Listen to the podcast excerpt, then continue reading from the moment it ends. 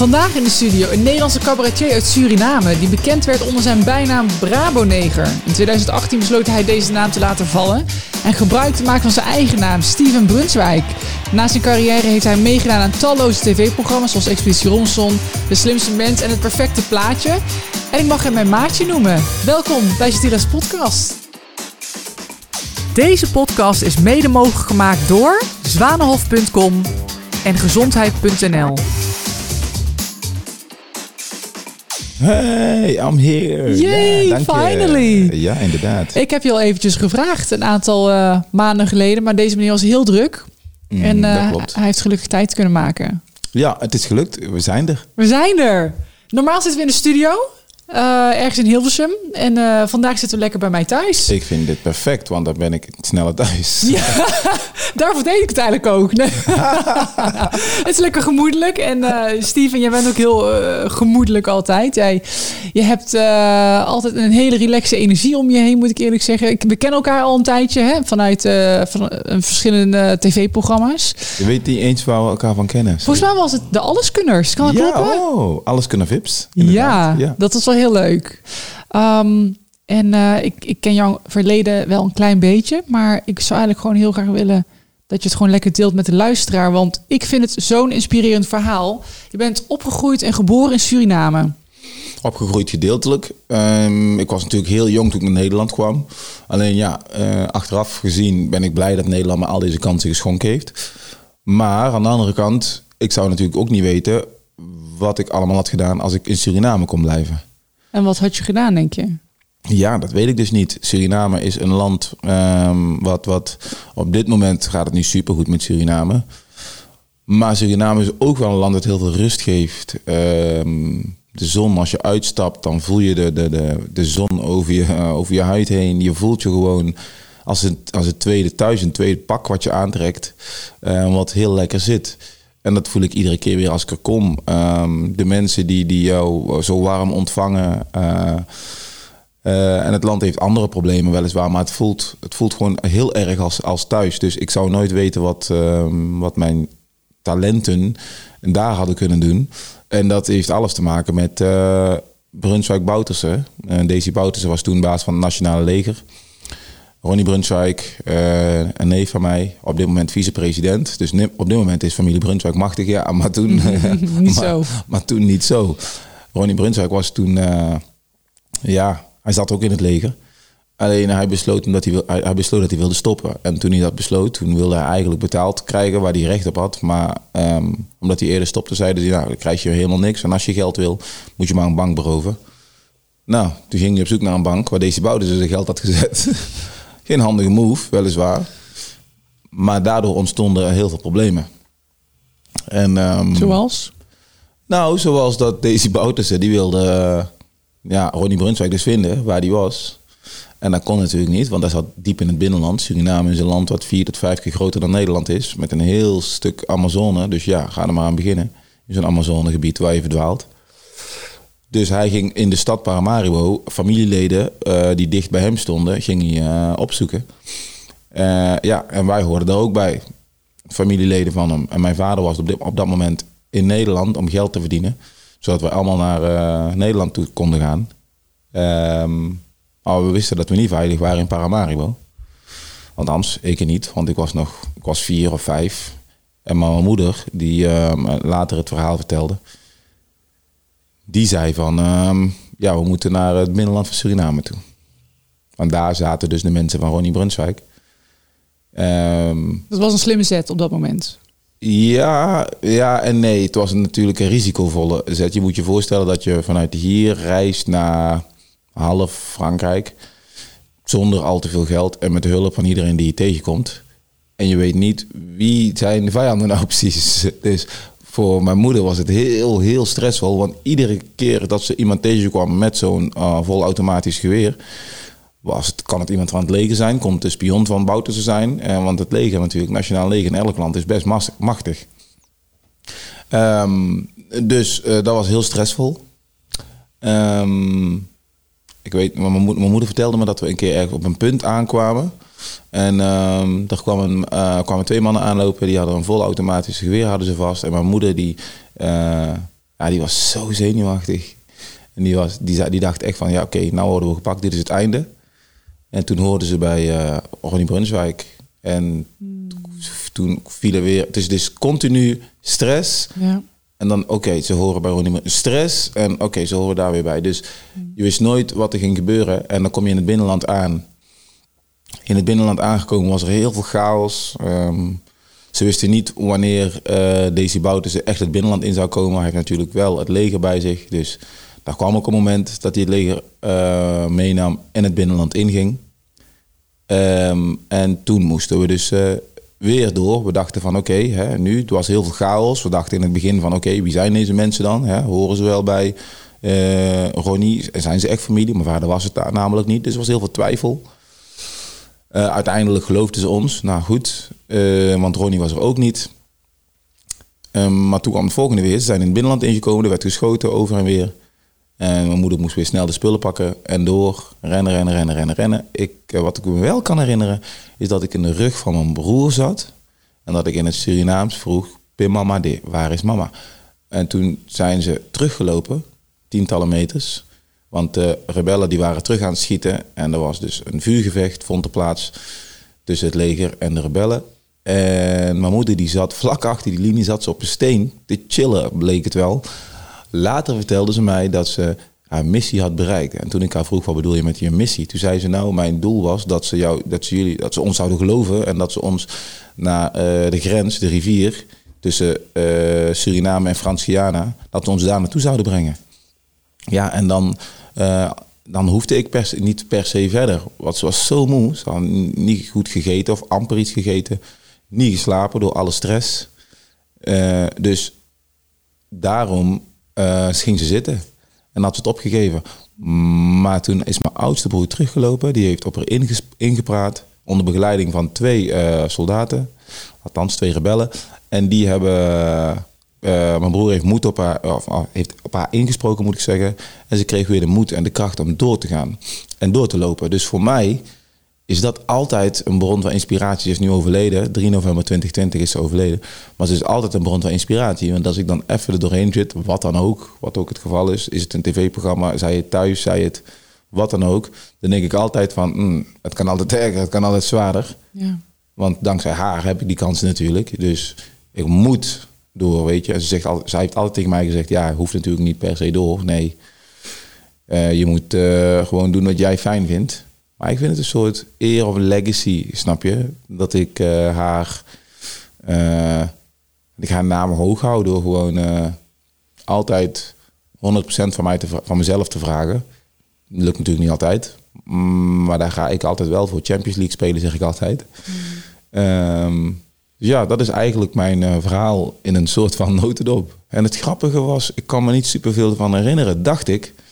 Ehm, maar toen ik mijn theatervoorstelling schreef over de slavernij en hoe wij naar Nederland gekomen zijn, ehm, toen ehm, heb ik een stuk geschreven over hoe we naar Nederland zijn gekomen, voordat ik het, eh, de details überhaupt wist. Mijn oudere broer die heeft natuurlijk bewust meegemaakt, die was toen 13, 14. Eh, ik zat ook in zijn rug toen we aan het vluchten waren. Ehm, en toen las hij dat stuk. Dus toen zei hij tegen mij, goh, dat je dit nog weet, want je was vier of vijf jaar oud. Toen zei ik dat ik het nog weet. Ik zeg, ik heb het verzonnen, het is theater, hè? dus je moet wel een beetje extra, Oh, extra jus, een beetje overdrijven. Toen zei hij, nou, het is exact zo gebeurd. Want in mijn hoofd heb ik van, er was een stukje modder waar we doorheen moesten. Daar heb ik in mijn hoofd moeras van gemaakt. Dus ik heb de, de details heb ik veranderd in mijn hoofd als klein kind. Ja. Maar ik heb het dus onbewust bewust meegemaakt of zo, snap je? Ja. Ehm, dus ja, Intens. ja, intens. Eh, ik was een jaar of vier, vijf, zeg maar. Ja, hoe heeft dit jouw eh, leven op een of andere manier veranderd? Heeft het, jou, heeft het jouw leven beïnvloed? Ja, als een jong persoon niet, als klein kind, niet zozeer. Want je ziet niet wat je ouders allemaal doen. Hè. Je ouders, die, ja, mijn vader was heel de dag aan het werk, werk. Mijn moeder ook. Die was echt heel de dag thuis. Maar ja, nu weet ik dat thuis werken met eh, kinderen, drie kinderen vind ik al zwaar. Zaten er zes, zeven, weet ik veel. Ik ben de tel kwijt. Maar zij was de hele dag bezig met de kids, weet je. En dat is Niet 9 tot 5, nee, dat is 9 tot 9 tot 9 tot 11, 24 uur per dag. Dan wordt er eentje wakker, dan heeft er eentje honger, dan heeft er eentje dorst. ik was die sukkel die niet sprak, want ik heb tot mijn zesde of zevende, of mijn achtste zelfs, heb ik niet gesproken met helemaal niemand. Alleen mijn moeder. Hoe kwam dat dan? Nee, dat weet niemand. Mijn vader snapte er nog steeds niks van. Mijn moeder heeft het nooit begrepen. Dus iedere keer als er naar een theatervoorstelling van me kwam, zei ze altijd... Meneer begrijpt dat je tak zo voeren, no, no. Ik snap niet dat je nu zoveel praat, want je zei niks. Je was een bobo, sukkel. Echt waar? Zegt ze dat tegen jou, Bobo, toen het zijn? Die heeft ze altijd gezegd, ja, je bent een, je bent een bobo, sukkel. Je, bent- je bent Ja. een bobo. Ja. Je was een bobo. Ja, dus iedere keer als, ik, als we naar familie gingen in Nederland of in Suriname, dan zeiden mijn familieleden, die zeiden... Oh, je ja bobo toe, breng je die sukkel ook mee. Oh, Ja, dus... wat een schat toch. Ah. Ik- ik- maar dat heeft toch iets jou getriggerd, neem ik aan, op een bepaalde leeftijd. Dat je dacht van nee, ik durf nu wel uit mijn schulp te treden. Ik durf nu wel mezelf te zijn misschien. Misschien dat het je onbewust toch getriggerd heeft wat je hebt meegemaakt op zo'n jonge leeftijd. Mm, ik kan me niet echt een moment herinneren dat het me echt getriggerd heeft. Of dat ik echt iets wil. Nee, dat kwam echt op latere leeftijd bij mij. Op latere leeftijd ook. Ik raakte op een gegeven moment ook in de schulden. Zwaar in de schulden ook. Hoe oud was je toen dan? Nou, vanaf mijn 18e ging het al mis. Ja? Zo zeggen. Heb je gewoon niet geleerd hoe je met geld om moest gaan vanuit thuis nee, uit? vanuit thuis hebben ze me dat niet geleerd. Ze hebben me alles geleerd over huishouden. eh, van kleren wassen tot koken. Dus ik ben echt, wat dat betreft ben ik echt een hosselaar. Ja, Ik kan zelfs... eh, je kan als- eigenlijk alles. Als er geen eten in huis is, dan kan ik nog eten maken. Zo hosselaar ben ik. Dat heeft mijn moeder me geleerd. Ik kan hassel. Make your food. Ja. Ehm, dat heeft me maar geleerd. Maar alleen met geld omgaan. Mijn moeder en vader zijn zo goed met geld. Ja, mijn moeder was fucking goed. Die, toen ze overleden was, hebben wij op zolder in, in, in schoenen En sokken onder het overal bed. geld gevonden. Meen je niet? Jazeker. En je dacht al dat je arm was vroeger. Ja, ja, ja, moeder had overal geld. Eh, dus hebben mij dat nooit geleerd. Dus ik moest het de harde manier leren, ja. Hoe was dat dan voor jou? Vertel dat verhaal eens. Nou, in Nederland sta je, ik weet niet hoe het nu geregeld is, maar vroeger stond je in de, in de goede oude tijd, vroeger toen alles beter was, stond ik bij mijn vader en moeder in het, eh, in het ziekenfonds of zo. En het stond je bijgeschreven in het ziekenfondspakket of zoiets. En als je dan eh 18 werd, dan werd je er automatisch uitgehaald en dan moest je zelf gaan betalen. Zoiets was het. Ik weet niet precies. Ja. Alleen ik ging er automatisch uit. Ja, en dan moet je, ja, nou, handle your shit. Je moet je Ja. shit regelen. Maar ik had zoiets van, loop wel los. Daar begon mijn eerste schuld te halen. en nu kan ik erom lachen. Maar daar ging het eigenlijk al mis. Dus ehm, ja, ik zou nu tegen jongeren zeggen, ja, eh, een, stuk, een stukje begeleiding of tegen ouders begeleiding daarin. Vanuit de overheid moet er een stukje begeleiding komen. 17 naar 18 is gewoon een grote stap. Daar komt, daar komt Ja. heel veel op je pad ineens. Dus daar zal eigenlijk jongeren zijn naar volwassen worden. 18 tot 21 ben je adolescent, dus een soort van half volwassen. Dus daar moet nog veel ontwikkelen, moet nog veel, eh, vooral eh, jongens, hè, vrouwen zijn altijd, zijn altijd verder in, in, in hun denken, in hun gedachten, zijn altijd volwassener. Jongens zijn nog wat, eh, wat, wat jeugdig, dus die maken vaak de fouten. Kijk naar mij, ik, was, ik werd 18 en ik moest mijn ziekenfonds gaan betalen. En ik woonde toen ook al net op mijn eigen, want ik was 18 en ik wilde niet meer thuis wonen. Het botste een beetje. Ja, dat gebeurt op een gegeven moment. Dan heb je allemaal te veel vriendinnetjes mee naar huis zeker. Nee, ik heb geen enkel vriendinnetje meer naar huis genomen, want dat mocht niet. Oh ja, was het zo Nee. streng? Het was hartstikke streng. Dus dat ga Wauw. ik exact ook doen, zeker bij mijn kinderen. Is dat zo? Dus je ging op jezelf wonen. Je dacht, daar kan ik mijn vriendinnetjes mee naar huis nemen. Ik wil volwassen worden. Dat was wel mijn eerste gedachtegang. Ja, Ja. chickies, chickies. Dat dacht ik ook. Ik dacht, zou ik het vragen? chickies. Ik vraag het gewoon. Nee, maar het is gewoon een hele belangrijke transitie die je moet doorstaan als, als jong volwassene om uiteindelijk volwassen te worden. En heb je het je ouders ooit kwalijk genomen dat ze jou daarin nooit begeleid hadden? Of he- heb je ooit gesprekken gehad met je ouders, met je moeder later, toen je volwassen werd? Mm, Ehm, nee. Waarom heb je mij dit niet geleerd? Nee, ik heb ze nooit kwalijk genomen. Mijn ouders hebben met de beste intenties me opgevoed. Ik heb ook de Surinaamse opvoeding gekregen met heel veel klappen. Ik heb zoveel objecten naar mijn hoofd gekregen. Van, van beeldjes van klei tot, tot lattenbodems, tot de volle fles Fanta, tot riemen, tot... poeh, heb je nog even? Je hebt een harde opvoeding gehad. Ik heb een hele harde opvoeding gehad en ik Ja. vond dat niet leuk. Dus heb ik, eh, weet ik nu wat ik niet leuk vind. Of hoe gaat het, hoe gaat het gezegd? hè? Wat u niet wil dat u geschiet, doe dat ook een ander niet. En Dus, leef je daarbij? zeker. Die kinderen van mij zijn zwaar verwend, man. Die krijgen nooit klappen, helaas. Maar voed je ze dan weer niet op een andere manier extreem op? Als ze alleen maar verwend worden? Mm, Ja, ik ben wel extreem in mijn eh, manier van eh, communiceren en hoe ik met ze praat. En dat, dat kan ook al heel gewelddadig zijn, kan ik, weet ik. Maar uh, mijn ouders die, die sloegen gewoon. Maar ik weet, ik ben 1,90, ik ben 92, 93 kilo. Ik ben lang, veel groter. Als je een zware stem hebt, hangt er overheen. Dat komt ook al binnen. Maar dat komt niet super vaak voor, nee. nee. Ja. Dus ik heb de, de lus doorbroken van iedere Surinaamse ouder die klappen geeft. Ja. Toen mag je klappen nodig, joh. Ja. Ze luisteren toch niet. Dus, Gelukkig eh, maar, gelukkig maar, hè? dat geloof ik ook. Ja. Je bent naar Nederland gekomen. Vijf jaar was je toen je uiteindelijk gevlucht, weer, eh, gevlucht was met je familie. Ja. Ehm, ik neem aan eh, dat daar eh, het ook nog wel even doorging om op het juiste pad te komen. Je vertelt het al net, hè, het duurde even om op het juiste pad financieel te komen, want dat heb je niet meegekregen vanuit huis. Maar wanneer ging het dan wel goed eh, voor jou? En hoe ging dat stukje? Je, bent, je hebt een transitie gemaakt van eigenlijk, volgens mij was jij uitsmijter zelfs bij disco's. je Ja. probeerde je geld te verdienen op allerlei manieren. En uiteindelijk werd je, boom, Ja. Raboneger, beroemd. Ja, ja dat uh, Raboneetje kwam, kwam later. Ehm, als eerste wat er gebeurde, ik, was een, uh, ik ging naar een uh, seminar waar succesvolle mensen gingen spreken. Waarom ging ik daarheen? Omdat een, een, maatje van mij toen de tijd die zei: hey, ga mee, je hebt toch niks te doen. Dus, dus ik ging daar maar zitten en ik zat er heel ongeïnteresseerd bij, want ik, het boeide me niet. Ik zeg ja, ik zit toch al aan de grond, ik heb toch geen centen. Dus uh, ik was uitgenodigd door hem, dus goed. En toen was er een gast, een Amerikaan, en die uh, was aan het spreken en praten. En, en achteraf kwam hij naar me toe, die Amerikaan, en hij zei: didn't seem very interested. What is your name? vroeg hij mij. En ik zei: Steven. en ik was lang met hem aan het praten. En toen zei hij, hij zei tegen mij: Nee, ik, zei, ik vroeg hem, um, people always say money can buy happiness. Toen zei hij tegen mij, you know which kind of people say that? People who don't have money, zei hij. We have different problems. Dat probeerde hij te zeggen. Toen gaf hij me een opdracht mee.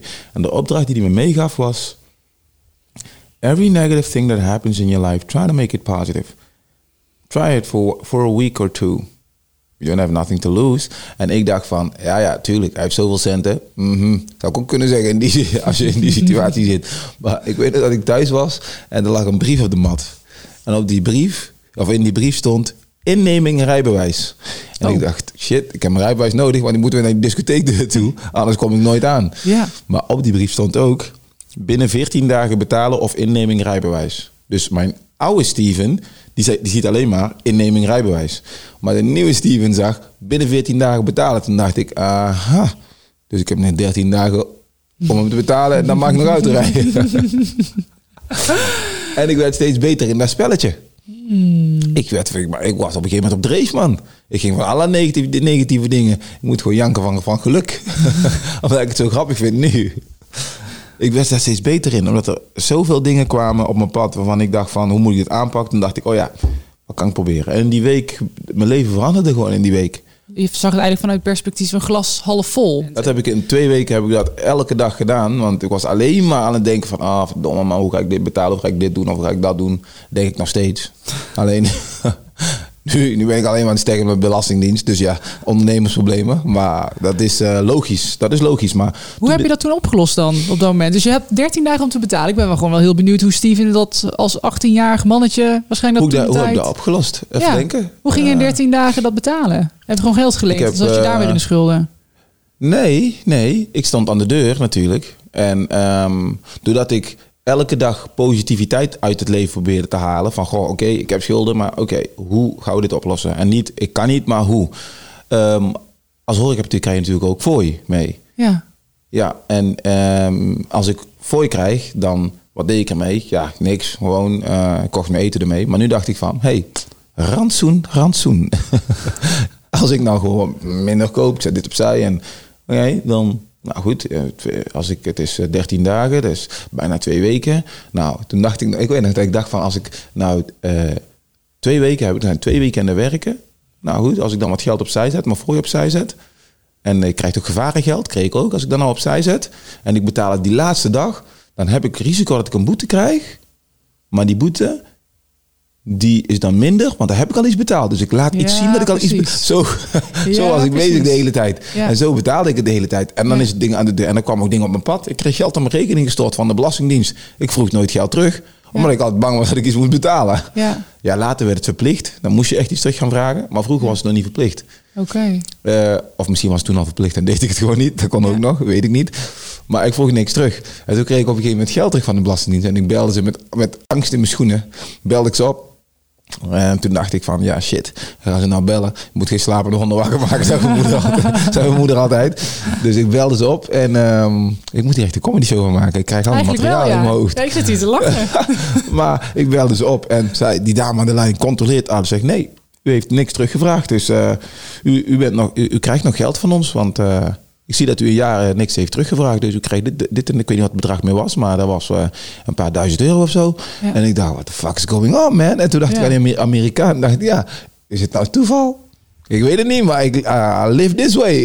I love it. En is het de Amerikaan? Want ik heb ooit eens een keer gehoord dat jij door een quote geraakt was. En de quote gaat als volgt: Find a way to serve the many, for service to many leads to greatness. Jim Rohn. Ja, Jim Rohn. Yes. Is hij de meneer, de gast, de man? Nee, hij die was het niet. Hij, is- Hij was het niet. Nee. Maar Jim Rohn is wel degene die me ook echt geraakt heeft. Hij leeft nou niet meer, maar Jim Rohn was een eh, succesvol zakenman, spreker. En eh, hij zei dat dus.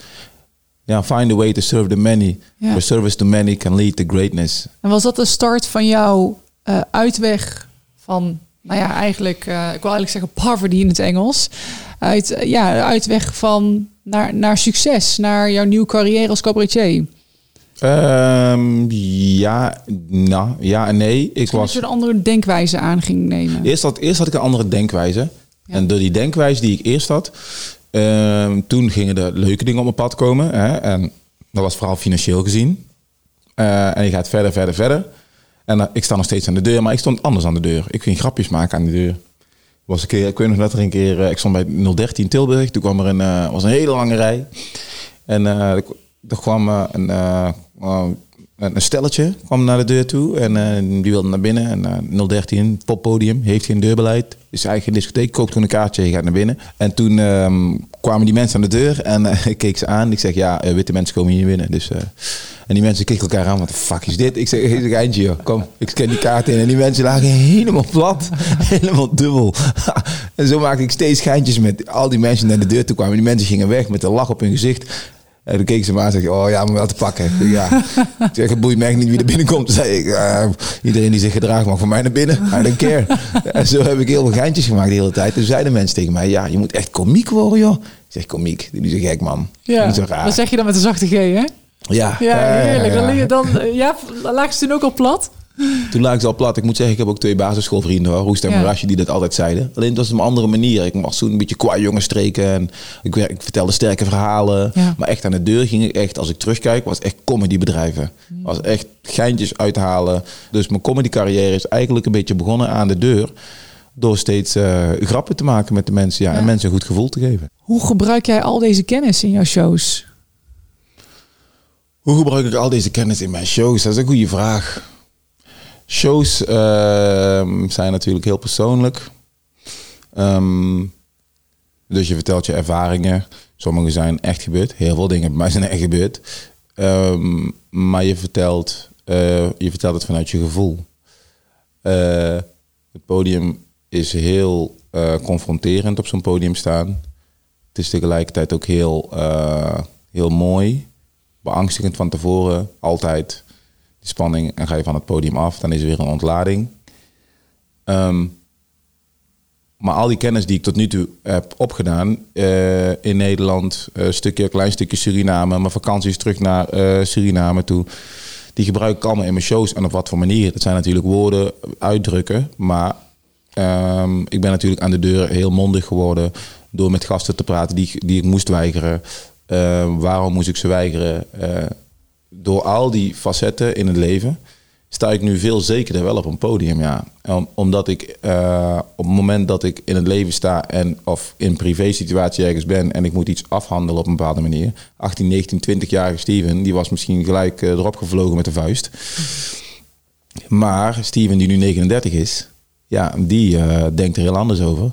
En die komt altijd met een bepaalde of een diplomatieke opmerking.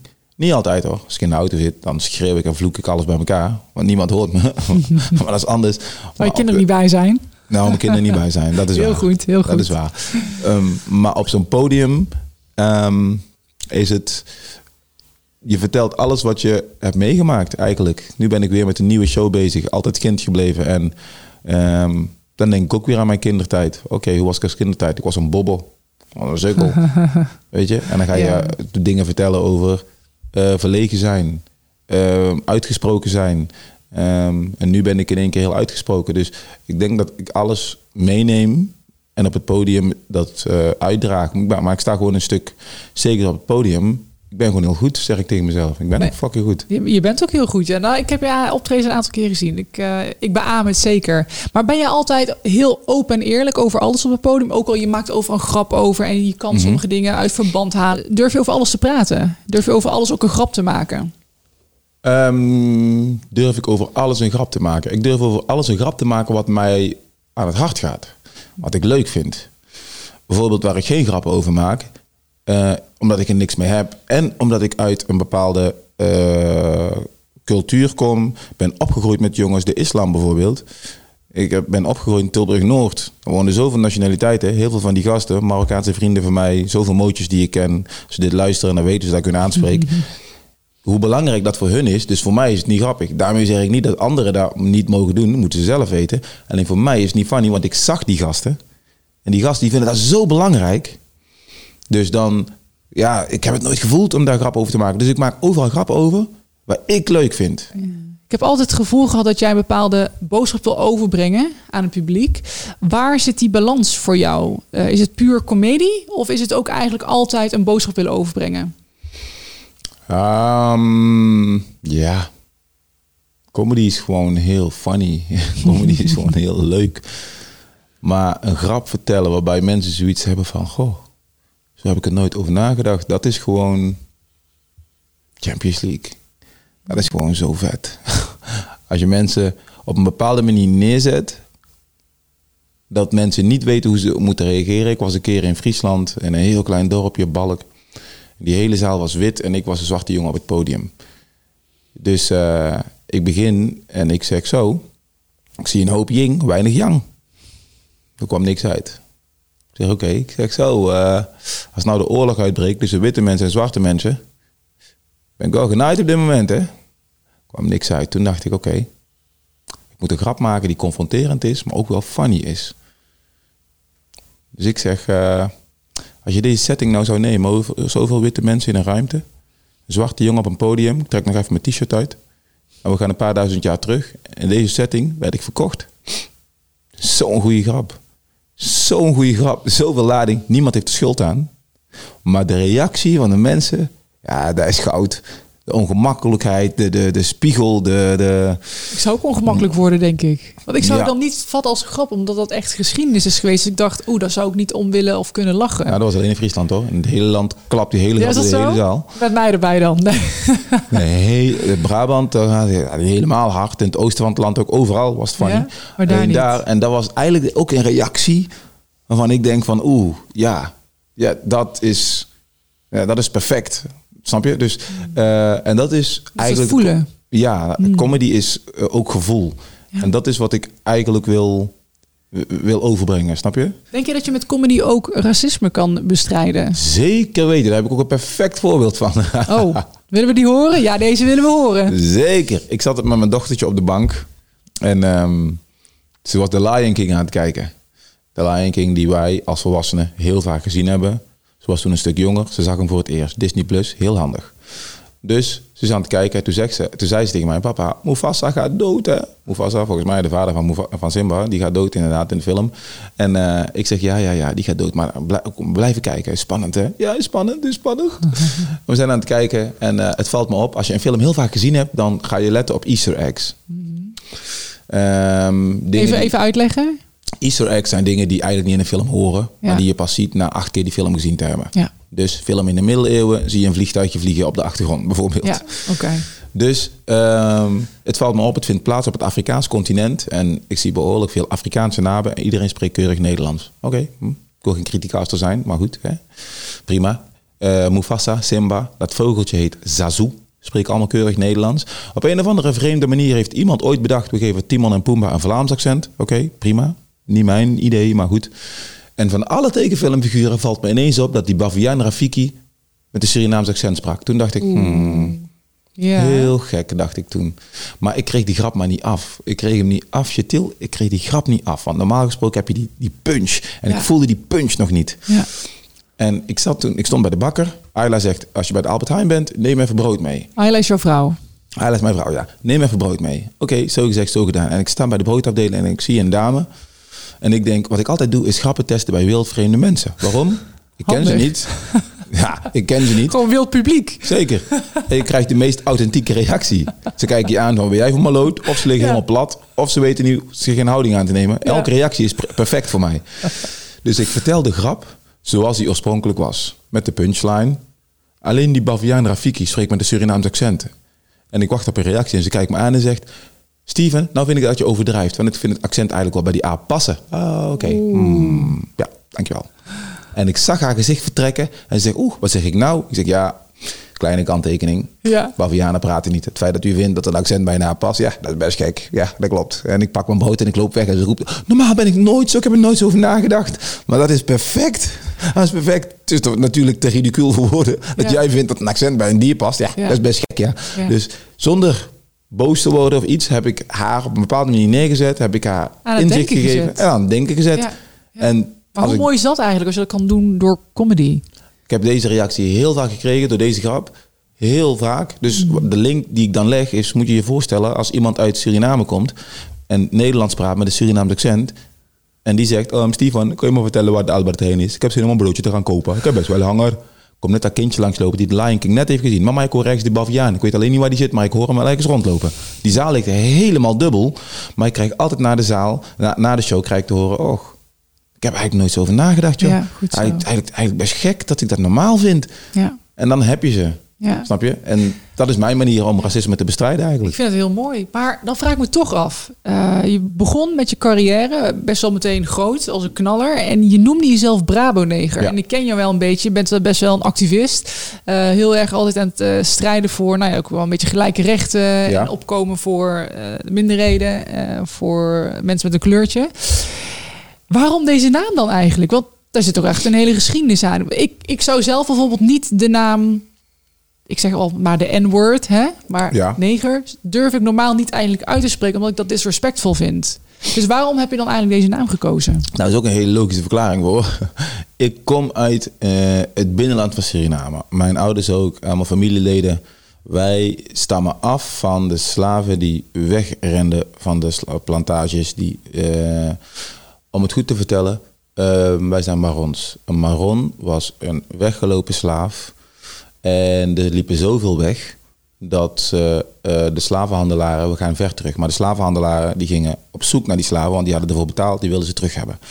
Maar dat was, werd een bloederige strijd. De Nederlandse overheid zei toen, uh, we moeten hiermee stoppen, laten we een afspraak maken.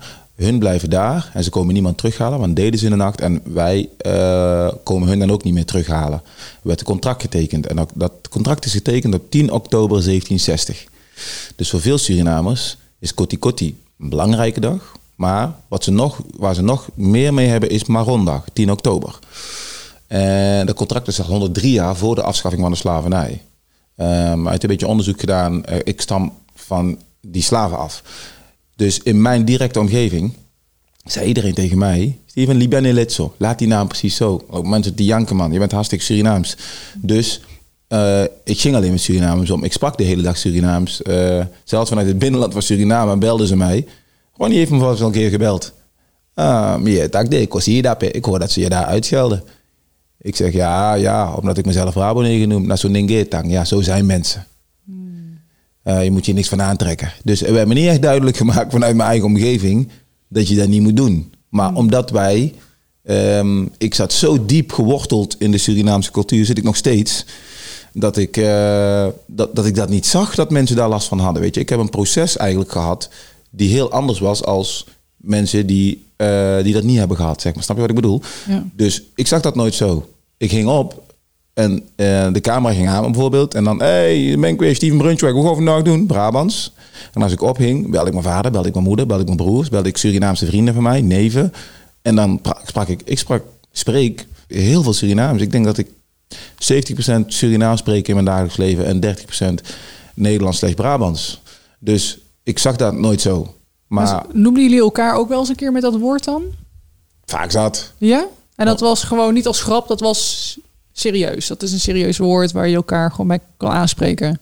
Zeker. Wij- Als ik bijvoorbeeld met eh Surinamers ben en ehm, hij moet bijvoorbeeld... eh, eh, hij gaat bijvoorbeeld een supermarkt in en hij staat bijvoorbeeld voor te kletsen of zo. En ik ben aan het autorijden en we moeten bijvoorbeeld naar de film. Dan zeg ik, nee, ik ook weer. Nee, kom, we gaan.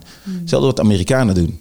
Zo, zo gebruiken wij het in het Surinaams nog steeds vandaag de dag. Onderling. Dus eh, ik zag dat heel anders, weet je. Alleen ik ben wel iemand van bruggen bouwen. Dus als er een hele grote groep last van heeft, ja, wie ben ik dan om dat door te zetten? Want ik, ben, ik hou dan het proces tegen die hun proberen te realiseren. En voor mij is de kleine moeite. Weet je? Dus ehm, dat is de reden waarom ik toen de tijd die naam gewoon gehouden had. Omdat ik nog steeds vandaag de dag heel erg Surinaams ben. Alleen dat zag je natuurlijk nooit. Mensen dachten zelfs, ja, hij is geadopteerd. Ik denk, geadopteerd? Wat komt daar nou bij? Want ik Ja. zag dat nooit. Maar ja, nu, is het, eh, nu weet iedereen hoe ik erin sta. En nu spreek ik, eh, nu geef ik shows in het Surinaams ook. Hoe sta jij erin dan nu? Want je hebt, op een gegeven moment, in 2018, heb jij je naam veranderd naar Steven Brunswijk, je eigen naam. Ja. Wat maakte op dat moment, dat jaar, eh, op dat moment gewoon die verandering? Wat triggerde jou? Nou, het speelde al langer in mijn hoofd. Ehm, ik heb eh, ook tegen mijn familie verteld hoe ik, dat ik wilde stoppen. En iedereen zei, nee man, moet je niet stoppen man, je moet gewoon doorgaan. In het Surinaams allemaal, nee, ga gewoon door, maar nog meer. Laat ze maar huilen, laat ze maar. En ik zeg, nee, maar ik wil wel gewoon, eh, ik wil gewoon een grotere groep bereiken. Ik zou het leuk vinden als ik eh, shows kon geven in het Surinaams of zo. Of als ik die mensen naar mijn show zouden komen. Of eh, ze zijn met een proces bezig en, en eh, het is gewoon niet fijn. Die mensen zitten niet lekker in hun vel, weet je. En, en ik heb een groot publiek en eh, misschien gaan mensen dat woord nou ook gebruiken en zo. En dat wil ik niet. En zo ging ik praten. En op een gegeven moment heb ik ze gezegd van, nou, ik ga er echt, ga echt mijn eigen naam terugnemen. Ja. Zeiden ze, ja, als je dat doet, gaan we je steunen natuurlijk. En ja, ja, ja, zijn mijn familie en, en mijn vrienden. Ehm, en de reacties onder filmpjes die steeds heftiger werden. Ze hebben, me- ze hebben me nooit echt bedreigd of zo, dat niet. En dat vond ik altijd heel netjes. Achteraf gezien, hm, misschien hadden ze dat moeten doen, was het eerder gestopt. maar Leermoment. Dus het kan ook wel zijn dat die naam je op een bepaalde manier geholpen heeft. Die naam heeft me zeker carrière. geholpen om verder Ja. te komen. Zeker heeft die naam me geholpen, ja. It takes somebody, a big character, to break stereotypes. En dat, dat geldt volgens mij wel ook voor jou. Weet je wel, je hebt een mooi platform, je hebt een, een groot podium gebouwd. It, it takes somebody. Jij bent een, bent een groot karakter door, om stereotypes te verbreken. Nou, dat doe je gewoon heel goed. Ik bedoel, Ja, je had ook gewoon weer Amsterdam of eh, Rotterdam eh, kunnen eindigen. En eigenlijk gewoon waar ze het al kennen, dat, daar zou niemand van opkijken. Maar dit maakt juist jou anders en uniek en tegelijkertijd niet anders. Want heel veel mensen eh, zijn, hebben een kleurtje in Brabant die geïmmigreerd zijn. Klopt. Dus het is juist mooi om dat te zien. Ik vind het juist heel mooi. En ik vind het, het is mooi dat, dat je die, dat stereotype doorbroken hebt. Um, so it took somebody, took you in this, in this case. Dus dat is, eh, Steven Brunswijk, dankjewel voor jouw komst in mijn aflevering. Ehm, een echt genot om naar jouw verhaal te luisteren. En, en echt wel inspiratie hoe jij in het leven staat. Op, eh, op manier ook hoe jij je moeder ziet. Ehm, maar ik ben eigenlijk vooral heel benieuwd als jij jezelf kan omschrijven in een aantal woorden. Hoe zou jij jezelf omschrijven voor de luisteraar? Ik zou mezelf omschrijven. Jim Rohn. Find a way to serve the many, because service to many can lead to greatness. Wauw. En bij deze sluiten we af. Dankjewel Steven Brunswijk. Kom je nog een keertje? Zeker. Oké, bij deze staat hij. Tot ziens. Tot ziens. Houdoe.